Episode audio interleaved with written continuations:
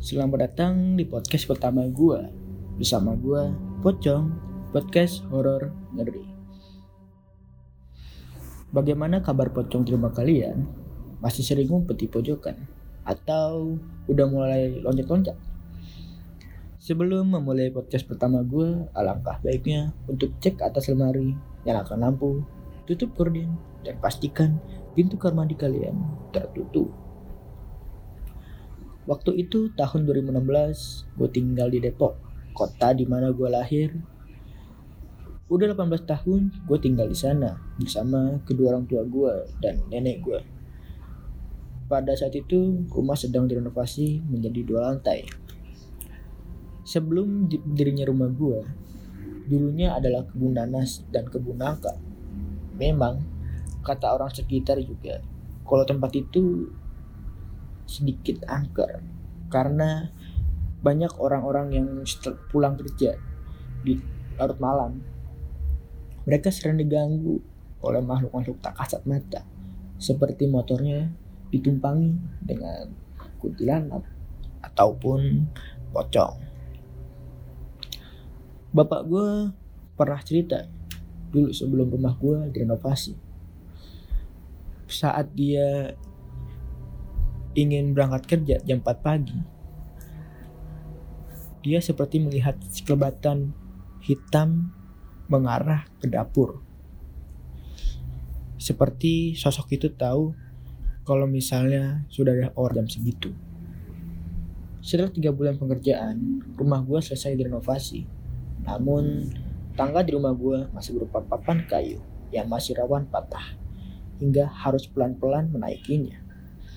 Dan pada malam itu, gue lihat orang tua gue masuk ke kamar untuk berantak tidur di lantai bawah.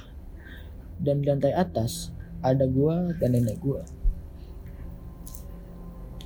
Seperti pada umumnya, gue main HP dulu sebelum tidur. Dan tepat pada jam 10 malam, gue mendengar suara ketukan yang begitu kencang dari arah tangga.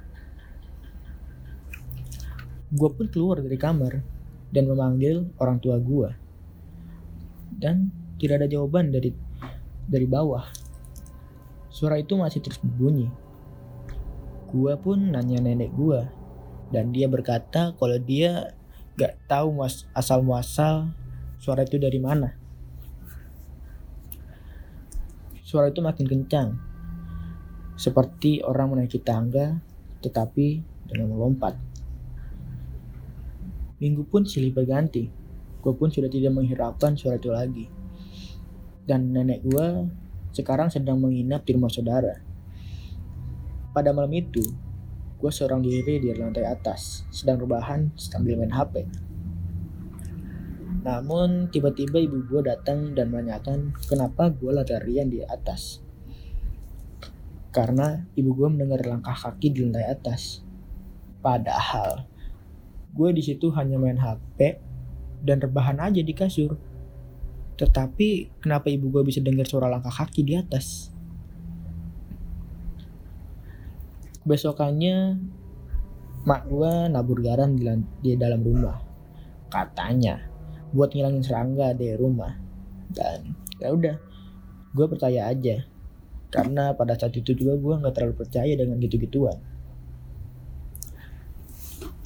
Dan malam harinya gue beranjak ingin tidur dan mematikan lampu.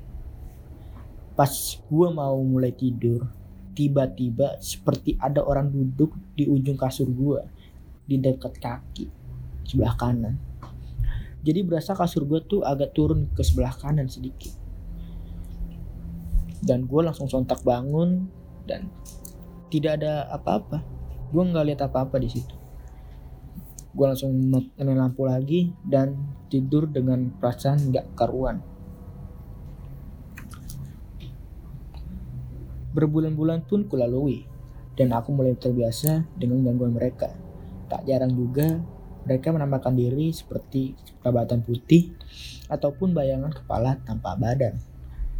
Dan mereka lebih suka menampakkan diri ke teman-teman atau tamu yang datang ke rumah gua. Pernah waktu itu, teman gue lagi berkunjung rumah gue. Mereka sering kali merasakan hawa tidak enak di sekitaran rumah gue seperti tangga dan kamar mandi. Saat itu sedang kumpul di kamar gue dan karena pintu kaca gue bening dan sedikit ngeblur. Itu mereka sering melihat kelebatan putih lewat. Mereka nanya, apa mak gue yang lewat? Dan gue pun jawab kalau mak gue tuh jarang ke atas. Biasanya di bawah doang sama, sama bapak gue.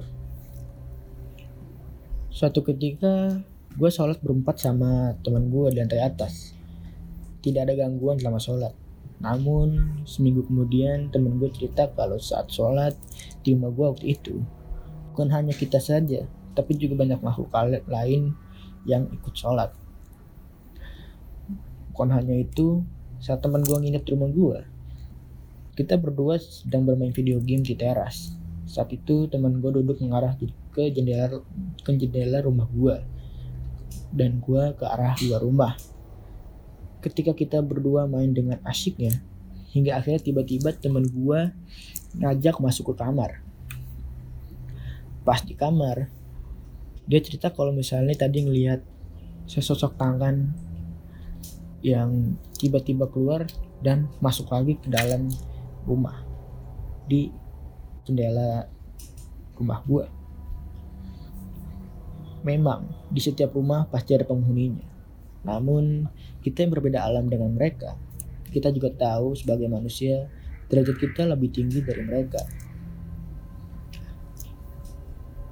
Terima kasih untuk kalian para pendengar dari alam manusia hingga alam gaib. Semoga podcast gue menghibur dan mengisi waktu luang kalian. Gue Pocong, pamit undur diri dan pastikan pocong di rumah kalian masih pada tempatnya. See you next time.